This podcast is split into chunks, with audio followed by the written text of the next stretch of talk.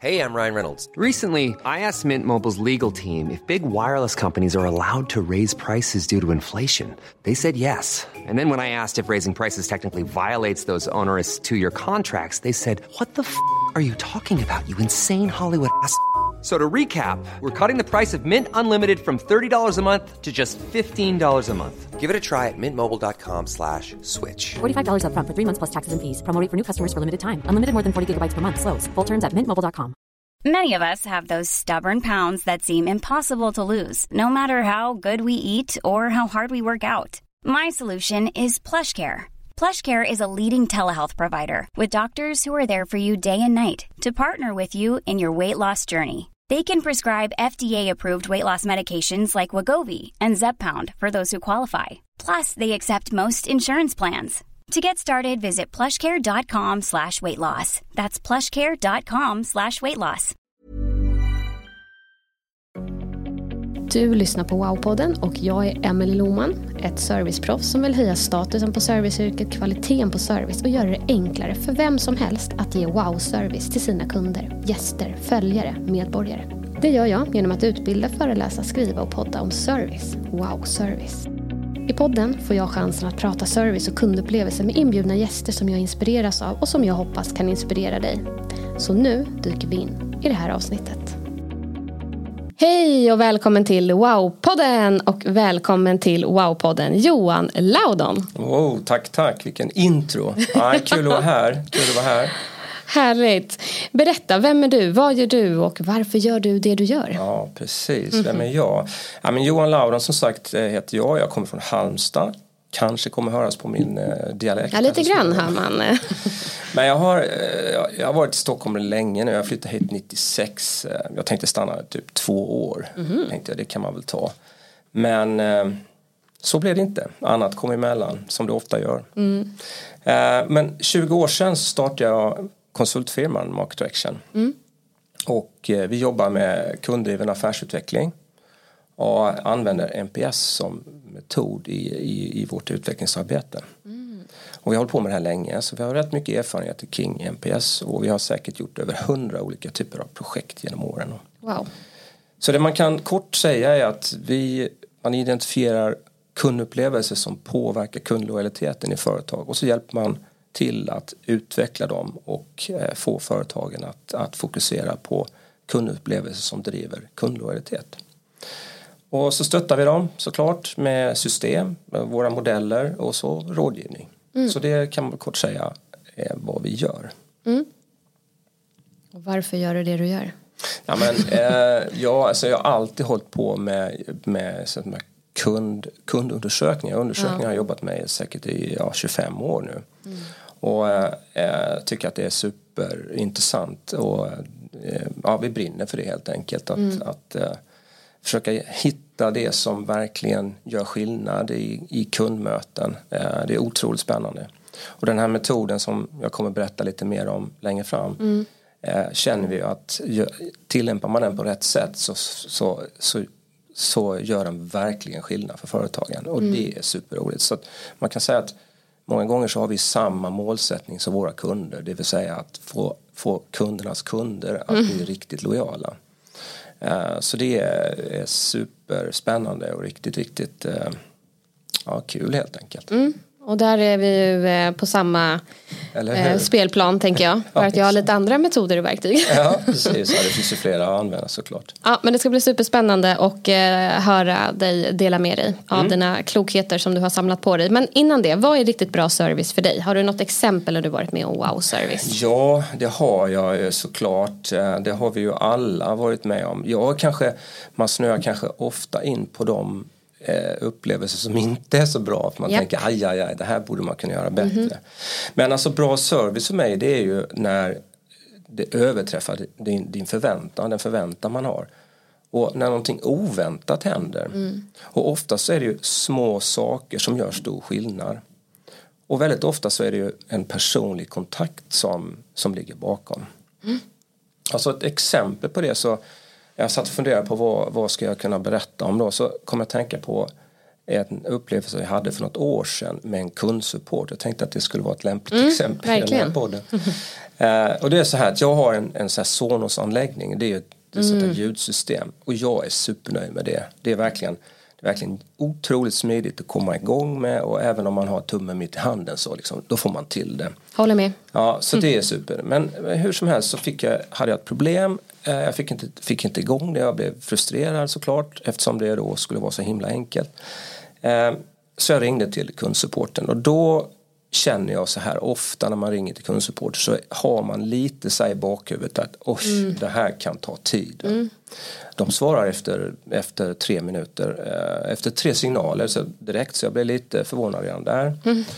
Och eh, så förklarade jag mitt problem och den här personen då som var väldigt eh, tillmötesgående eh, eh, beskrev då vad som var problemet och han förklarade också hur, han skulle, hur man kunde åtgärda det. Och då sa jag, ja men vad bra, då förstår jag. Och var beredd på att lägga, lägga, eller avsluta samtalet. Men då sa jag, nej, nej, nej, nej, vänta nu. Jag hänger kvar tills jag hör musiken. Och då fick jag eh, fixa med det jag skulle då. Och sen så när jag fick igång den så sa han, ja, vad bra. Lycka till och ha en bra dag. Och det tyckte jag var så eh, häftigt. Så gick det något år till så hände ju samma sak igen. Men då kom jag ihåg hur det var jag skulle åtgärda problemet. Och fixa det på egen hand. Och då tänkte jag att shit vilken bra support. För att inte nog med att de var väldigt tillmötesgående och kunde hjälpa mig på ett väldigt snabbt sätt. Men utbilda mig också samtidigt. Så nu slapp jag ringa till kundsupporten.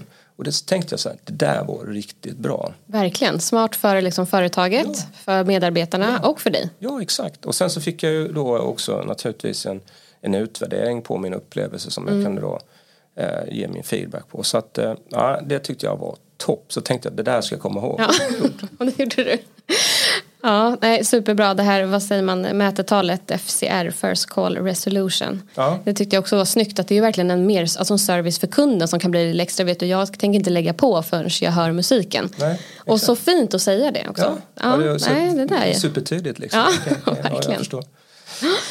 Snyggt, tack för det. Men Mm. du är ju NPS-expert på Market Direction. Just det. Kan du berätta kort om vad NPS är för något för de som inte har hört om det Ja. tidigare? Ja Ja men absolut. NPS det står ju för Net Promoter Score. Och det är ett nyckeltal som mäter kundnöjdhet och lojalitet. Men framförallt så är det en metodik som används för att driva ett förändringsarbete med ett starkt kundfokus. Då. Den här metoden den, är, den har några år på nacken, det är säkert 20 år nu eh, och den är utvecklad av Bain Company som är ett amerikanskt managementföretag.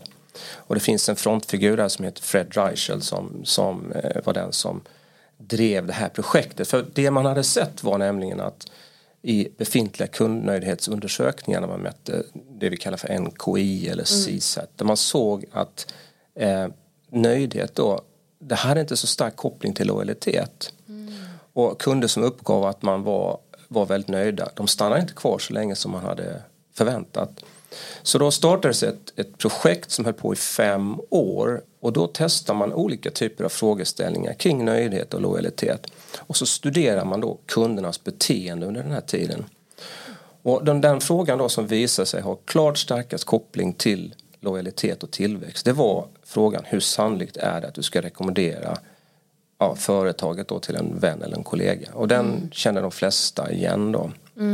Och genom att då titta på då respondenterna, de som svarar på undersökningar, deras beteende så kunde man dela in dem i olika grupper baserat på beteendet då. Och då blev det tre stycken kategorier. Den ena då de som har svarat 0 till 6, de kallas för detractors, eller vi brukar kalla dem för negativa här i Sverige då.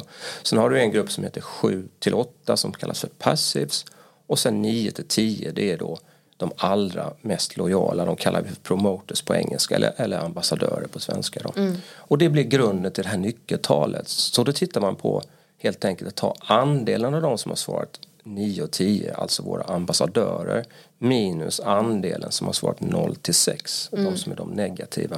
Och då får man ju tal då som kan vara allt mellan minus 100 och plus 100. Och det där varierar ju naturligtvis väldigt mycket mellan, mellan olika branscher då. Eh, Men vad som är väldigt tydligt är att de kunderna som är de mest lojala de är klart mest lönsamma för företaget. de stannar länge som kunder, de köper mer, de eh, lägger större del av, eh, av sin budget på samma företag, alltså share mm. är mycket högre.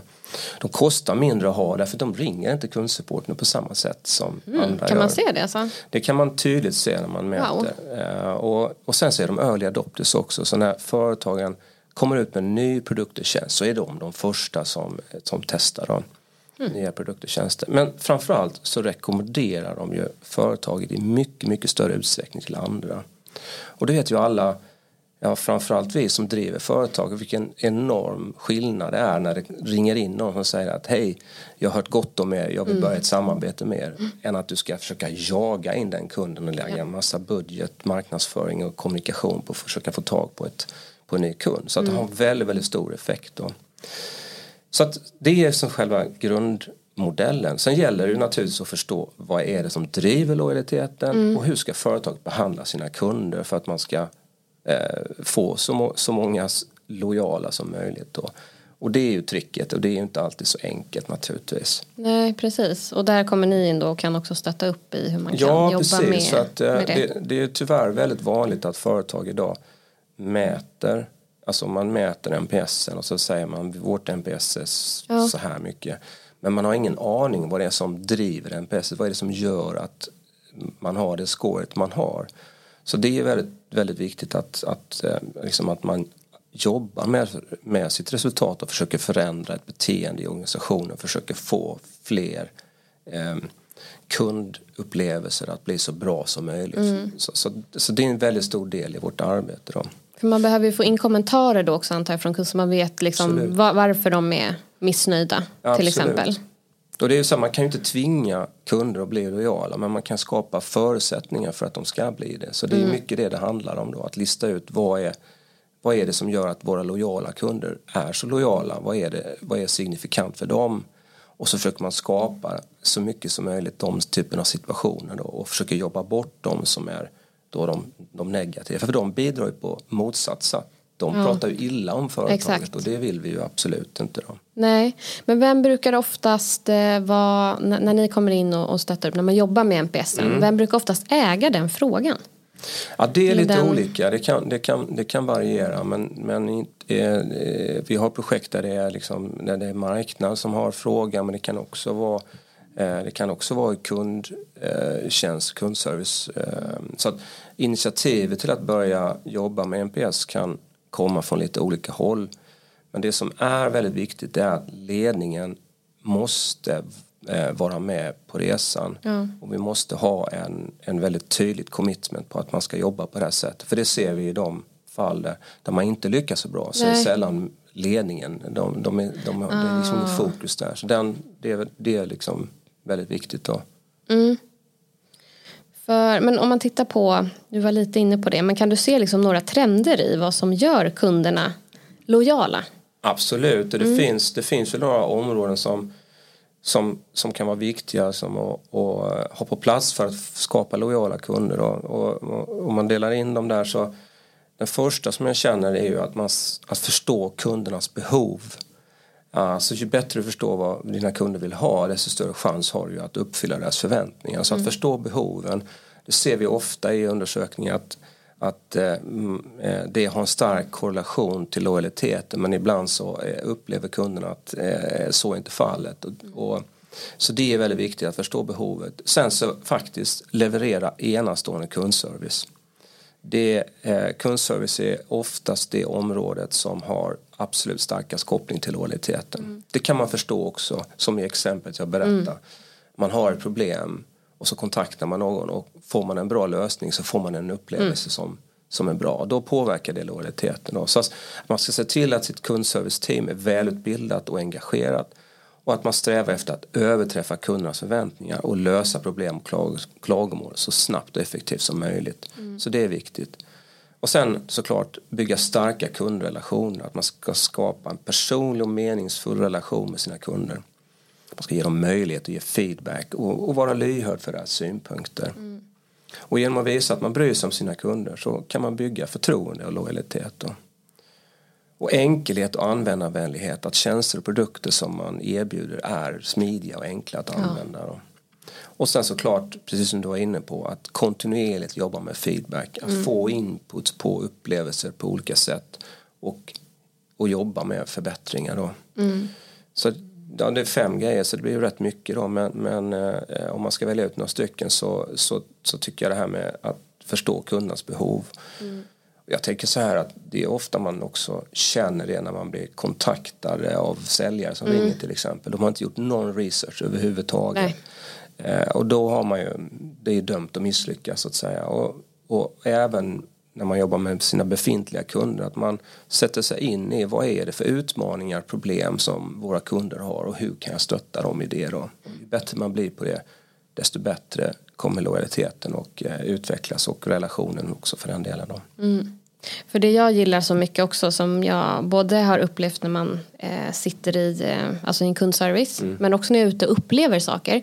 Att när ett företag lyssnar på min feedback, direkta eller indirekta. Jag var inne på en livsmedelsbutik till exempel. Och så skulle jag leta efter fiberhusk som är så här glutenfri. Så Lite så här kuggfråga nästan. Det var en ny stackars praktikant jag frågade först som bara, liksom ingen aning. Men så träffade jag en annan tjej som hade, verkade jobba lite längre. Och hon, så hon bara, ja men var den inte på glutenfritt hyllan? För allt annat glutenfritt var där. Och eh, så jag bara, nej, jag hittar den inte där. Hon bara, men då kanske den är på bakahyllan. Hmm, följ med mig. Så här. Ja, men så följde jag med. Och hade hon bara visat mig den så hade det varit det jag förväntade mig. Men så frågade hon så här, men du, skulle du hellre hitta den här på, liksom, på glutenfritt hyllan? Ja. Ja, men vet du, då ska jag ta med det som ett förbättringsförslag. Och då blir det ju genast så här, dit kan jag gå, här vill jag vara lojal för jag vet att de lyssnar. Och skulle jag komma tillbaka och se att de har flyttat den eller om hon skulle känna igen mig och bara vet du jag har flyttat på den där fiberhusken. Då skulle jag säga wow att verkligen återkoppla med vad man har gjort med feedbacken. Det tycker jag att Ja, det är och coolt. det där är ju jätte, det är jätteintressant. Och då, det, när, när sådana här saker händer så tänker jag ofta så här, är det här någonting som är som är, liksom, som är för den här personen. För det kan ju vara också att jag som individ, jag är så himla service-minded. Jag tänker på det sättet, jag tänker på hela upplevelsen då. Och det må ju så vara, men det mest intressanta är ju om det här är en strategi Exakt. som företaget har. Har vi sett att alla vår, all vår personal ska göra på det här sättet? Det tycker jag är häftigt och då Ja. har man kommit väldigt långt. Ehm, Ja, det är spännande, det vet jag ju inte i det här fallet. Eller om det var liksom hon som hade det här service-mindet. Men det höjde ju verkligen min upplevelse Ja. och gör att jag så här, kommer gå tillbaka dit. För att jag är nyinflyttad på ett ställe och då är det liksom Ja, ja. relativt nyinflyttad. Så att jag har liksom några att välja mellan. Men nu vet jag ju att där, Ja, där lyssnar de. Ja men det var, det, det var relativt enkelt eh, och eh, det var en personlig eh, kontakt. liksom. Mm. Så det har ju stor, stor påverkan på upplevelsen helt enkelt.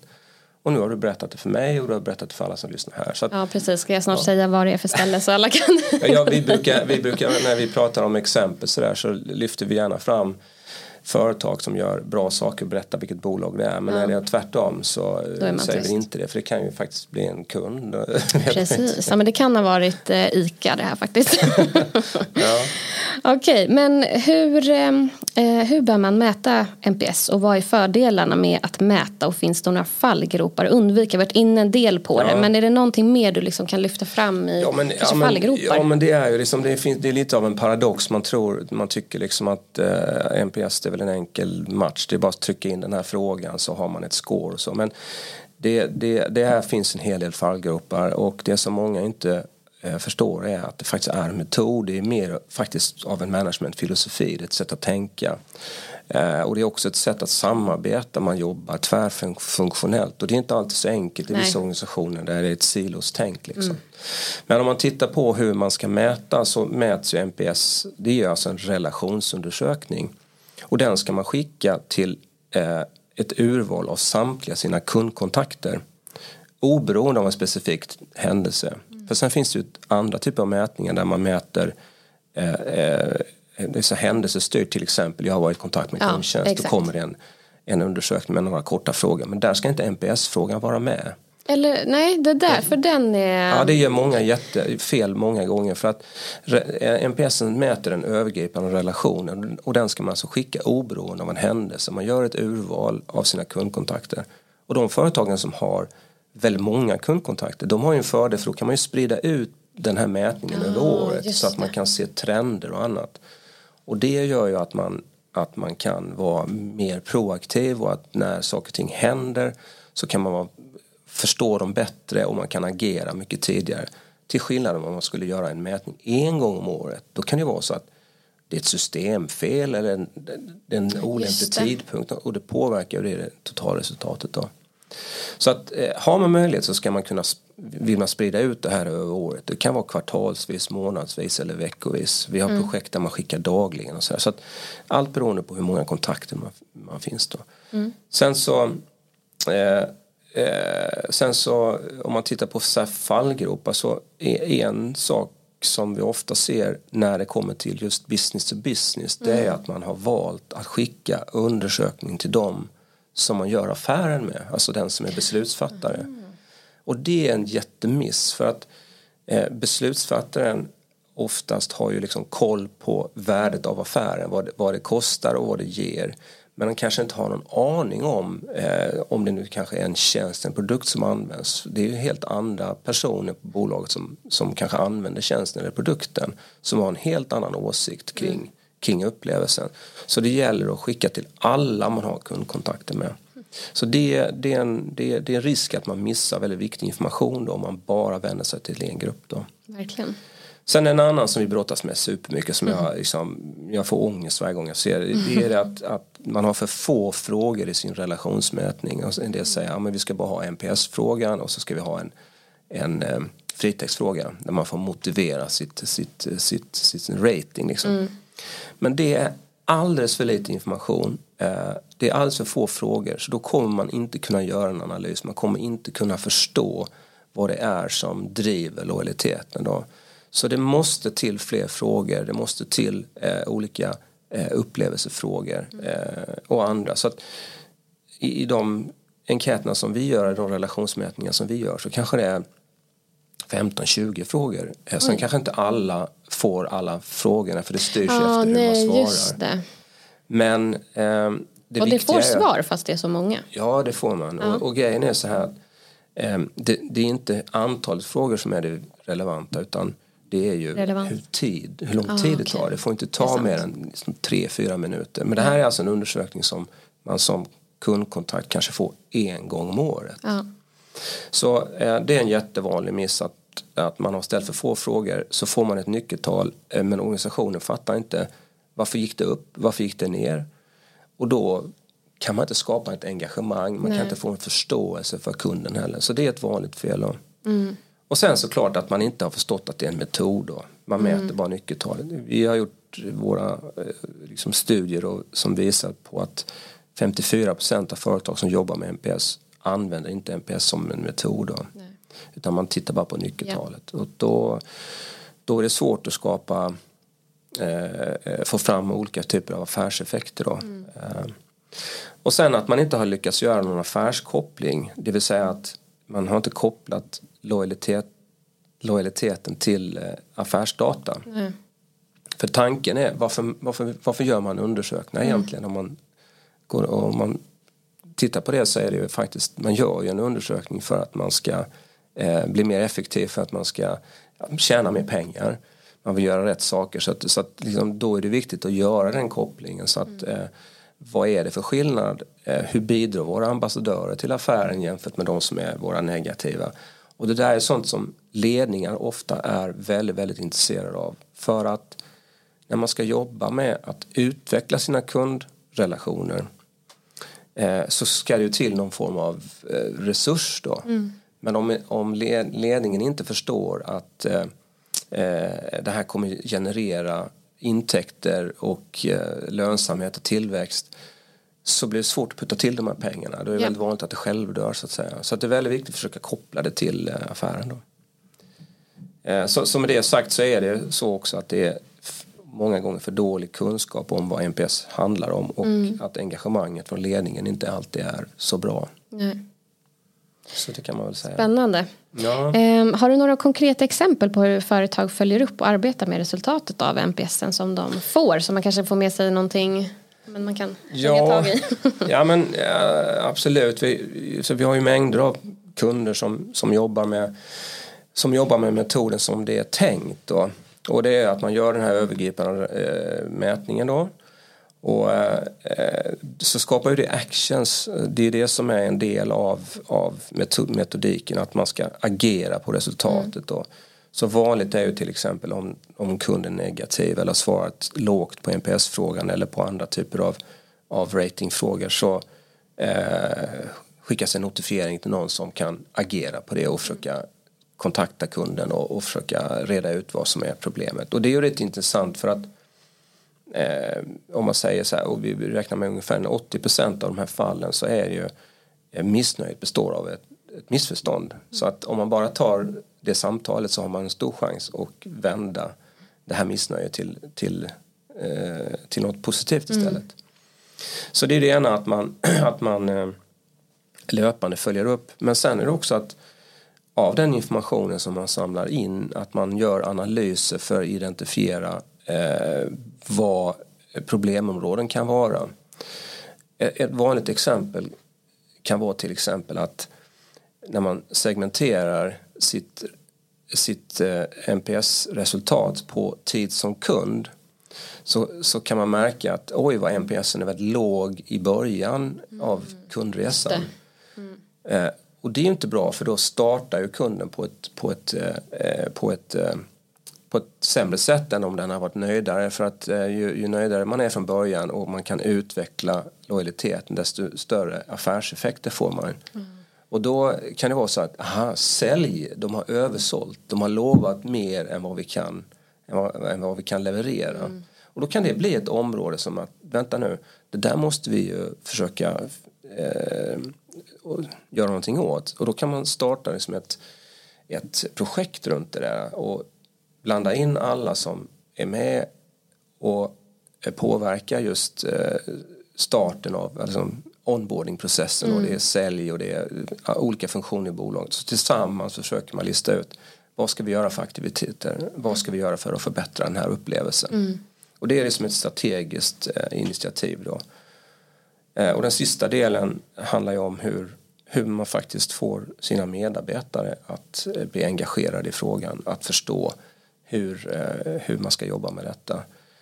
Att man till exempel delar eh, information om kunderna i olika forum så att kund kommer med på agendan. Alltså du skulle vara mhm. förvånad hur mycket eh, olika typer av eh, forum i, i, företag där man inte ens diskuterar kund. Mm.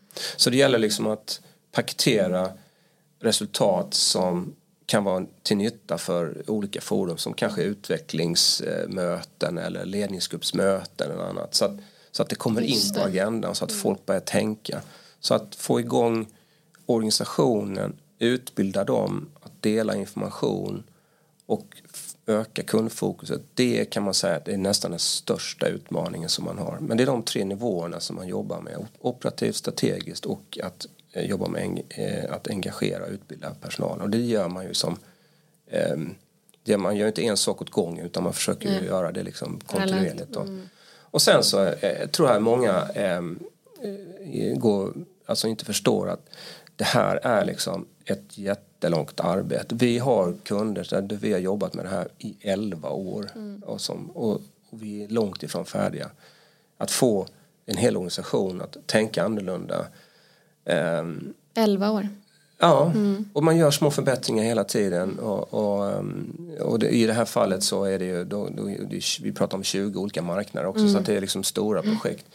Men, men eh, det tycker jag liksom är eh, exempel på hur man, hur man bör jobba med NPS-metoden. Och eh, eh, sen kan man också säga att om man gör det på rätt sätt mm. alltid ser man eh, utveckling, möjligheter som eh, bidrar till eh, eh, bättre affärsförutsättningar. Mm. Så att metoden funkar verkligen. Mm. Vi är helt liksom det gör det om man gör det på rätt sätt. Sen så har ju alla bolag har ju lite olika förutsättningar så det gäller ju liksom att navigera och, och, och sådär. Va? Mm. Spännande och det här med kundfokuset är ju verkligen någonting som det pratas mycket om. Men vad är det? Vad innebär det? Vi brukade ha ibland en, en tom stol där kunden satt liksom med på mötena. Ja. Bara för att så här, symbolisera ja, vad, kunden är här. Vad roligt att du säger det. Ja. när, jag, när jag startade Market Action så jobbade vi inte med, med just det här utan vi byggde upp så här, kundpaneler åt Ah. bolag, stora onlinepaneler. Och då hade vi just det som en, eh, som, och då, syftet med det var ju att snabbt kunna hämta in information till Mm. just den tomma stolen. Så vi hade det som en, eh, Coolt. Ja. Ja. men det var för 20 år, fem- 15 år sedan så det, då, då var vi före dig då. Ja. Nej, ja nästan. Jo, men, Nej, men, det, eh, men, det, men det är ett enkelt knep också för Ja. att liksom verkligen visualisera och få, Exakt. ja, just det, vad, vad säger kunden om det här och vad tycker Ja, verkligen. Och kunden är med här. Nu ska Ja. vi liksom lyssna in. Men du var lite inne på det. Ja, Hur får man med sig medarbetarna i NPS-arbetet då? Är Ja. det, har du något? Ja, men jag, jag, jag, precis, jag var inne på det innan där. Och d- den första grejen eh, som är viktig det är utbildning. Att man eh, utbildar eh, medarbetarna i vad, vad är NPS, varför ska vi använda det och vad ska det bidra till. För Varför? det, Tydligt syfte. Ja Det är så precis, så det, är ju liksom, det är en no-brainer egentligen men det är ofta eh, kanske man har en kort dragning om det här är NPS så här räknar man ut nyckeltalet men det är lite mer till det så att säga. Så att ju bättre man läser in sig eh, och ju bättre man utbildar vi har till exempel onlineutbildningar som, som alla medarbetarna får göra för att få man hamnar på samma, man får samma förutsättningar då. Så att det är ju klart, det är, det är ju givet att ju bättre man förstår vad man ska hålla på med desto större chans är det att man får igång engagemanget då. Eh, och sen så som jag var inne på det här, att det är oerhört viktigt att dela de här kundinsikterna i olika forum. Och eh, eh, fokus från ledningen att de verkligen har, är med på tåget. Att de säger att det här ska vi jobba med och att de går först. Eftersom de kanske också är med i eh, att göra uppföljning med kunder och de ska vara engagerade. Ju bättre de är engagerade desto liksom, ja, större chans är det att alla andra följer efter. Då. Ehm, sen så har vi sett också när man ska starta upp ett sånt här projekt. Det finns ju alltid personer som är väldigt eh, intresserade av med Japp. kund, eh, kundupplevelser. Att, att försöka identifiera vissa av de här personerna som verkligen brinner för det här så, och få med dem in i projektet så de kan bli liksom ambassadörer för hela, hela det här projektet. Och sen så så är det alltid bra att göra lite avgränsningar när man startar igång. Att man kanske startar med en avdelning, en marknad eller någonting och sen använder man det som ett best practice. Och så, Ja men det är ju snyggt att hänvisa till någonting. Då förstärker det också. Liksom. ja, för man behöver, det, det, det bästa sättet för oss verkligen skapa ett fokus det är att leda bevis på att det verkligen funkar. Att om man gör det på rätt sätt och sen ser att det bidrar till affären. Då förstår ju alla att oj, det här, det här funkar faktiskt. Verkligen.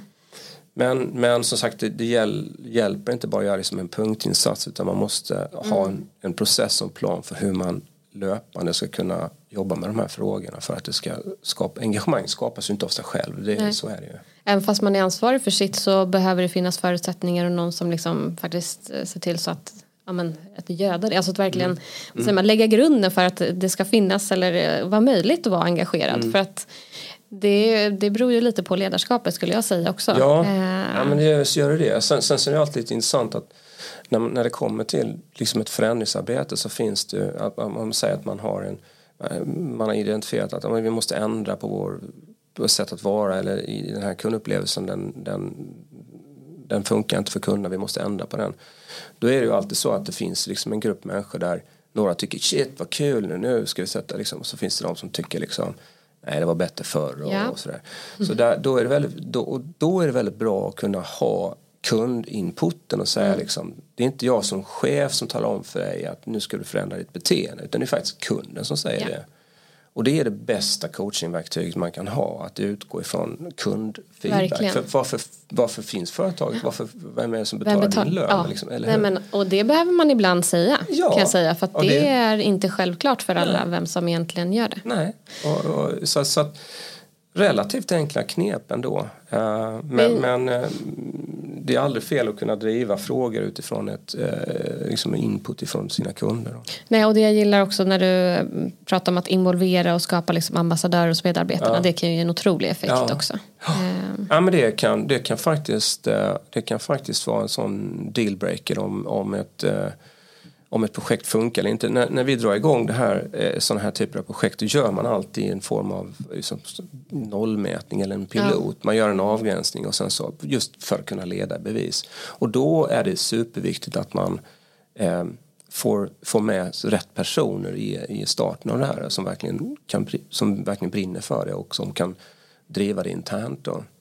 Och sen måste det vara med eh, olika typer av, av resurser, alltså det får vara med marknad, det får vara med sälj, det får vara med liksom, olika stakeholders i, mm. i bolagen. Då, för att eh, när saker och ting inte funkar och det behöver bli, man behöver göra någonting annorlunda, då är det ju den, eh, den vars roll Eh, som behöver ha det ansvaret att okej, okay, det är du som kundservicechef eh, som ska se till att det här, liksom, då får du ta det vidare ut mm. och sen så blir du den som ska eh, redovisa tillbaka till projektgruppen, alltså hur har det här gått mm. så att säga.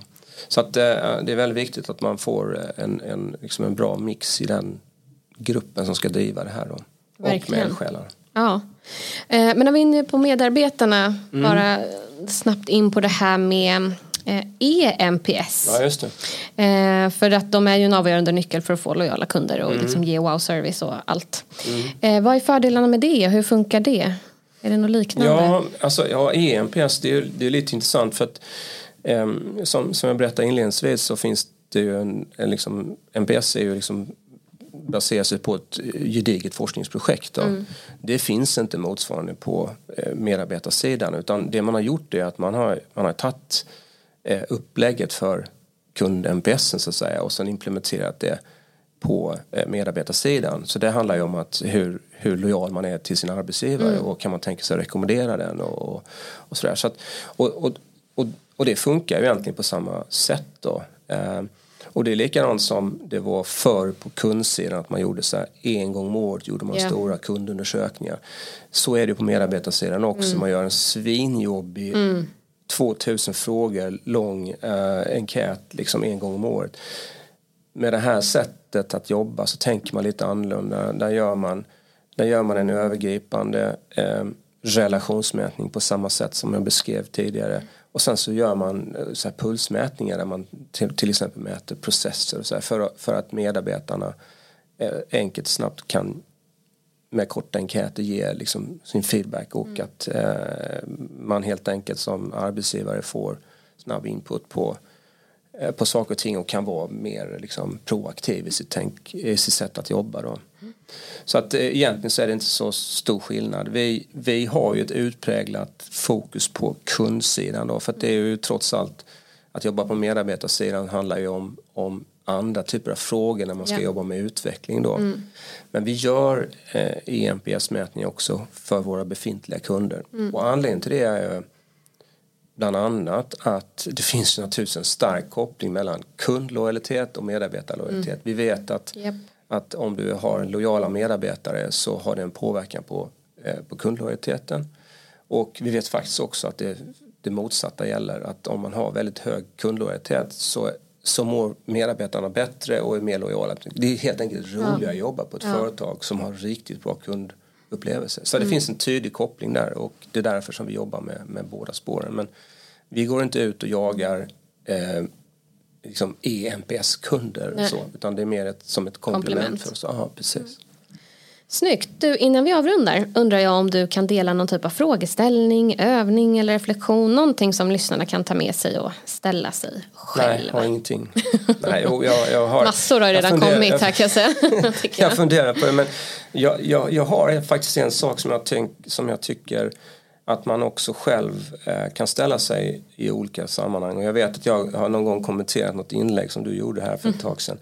Men just det där att ja, men hur skulle jag själv vilja bli behandlad? Den här gyllene regeln då att man, man ska behandla andra så som man själv vill, beha bli behandlad. Tänk om alla i ett företag hade kunnat tänka på det i olika situationer. Jag sitter i en kundtjänst och det ringer in någon. Jag kan förstå att, äh, att äh, det är en utmaning när det, när det ringer in folk och har samma typer av, av upplevelseproblem. Men för den som ringer in, det är ju första gången kanske som de har den upplevelsen, den problem. Så det måste liksom, men att man bara kan tänka så här, okej, okay, men hur skulle jag vilja att jag blev behandlad i den här situationen? Va? Tänk på, liksom, det är klart att man vill bli behandlad på ett, på ett bra, fair sätt. Om man tänker så och gör så som man själv vill bli behandlad eller uppfattar. Det skulle påverka lojaliteten ohyggligt mycket tror jag. Mm.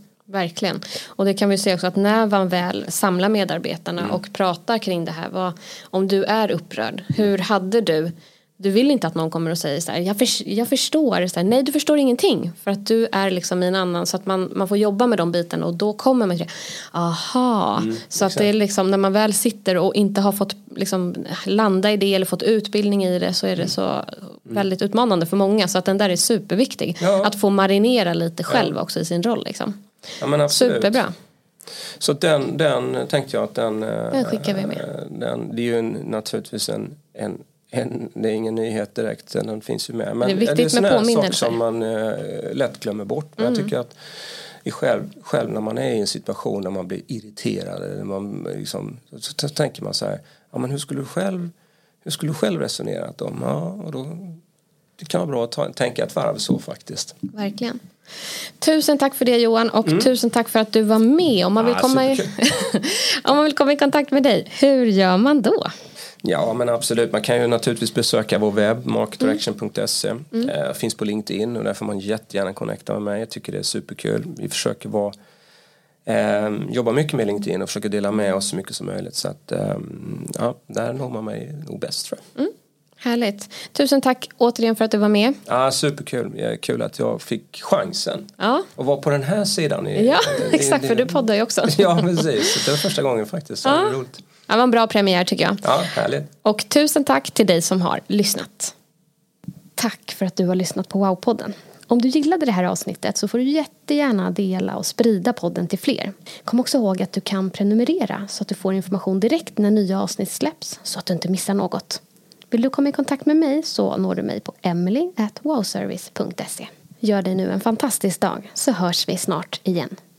I samarbete med Connectel skapa nöjdare kunder med hjälp av våra insikter och lösningar. Mom deserves the best and there's no better place to shop for Mother's Day than Whole Foods Market. They're your destination for unbeatable savings, from premium gifts to show-stopping flowers and irresistible desserts. Start by saving 33% with Prime on all body care and candles. Then get a 15-stem bunch of tulips for just $9.99 each with Prime. Round out Mom's menu with festive rosé, irresistible berry chantilly cake, and more special treats. Come celebrate Mother's Day at Whole Foods Market. When you need mealtime inspiration, it's worth shopping Kroger, where you'll find over 30,000 mouthwatering choices that excite your inner foodie. And no matter what tasty choice you make, you'll enjoy our everyday low prices, plus extra ways to save, like digital coupons worth over $600 each week. You can also save up to $1 off per gallon at the pump with fuel points. More savings and more inspiring flavors make shopping Kroger worth it every time. Kroger, fresh for everyone. Fuel restrictions apply.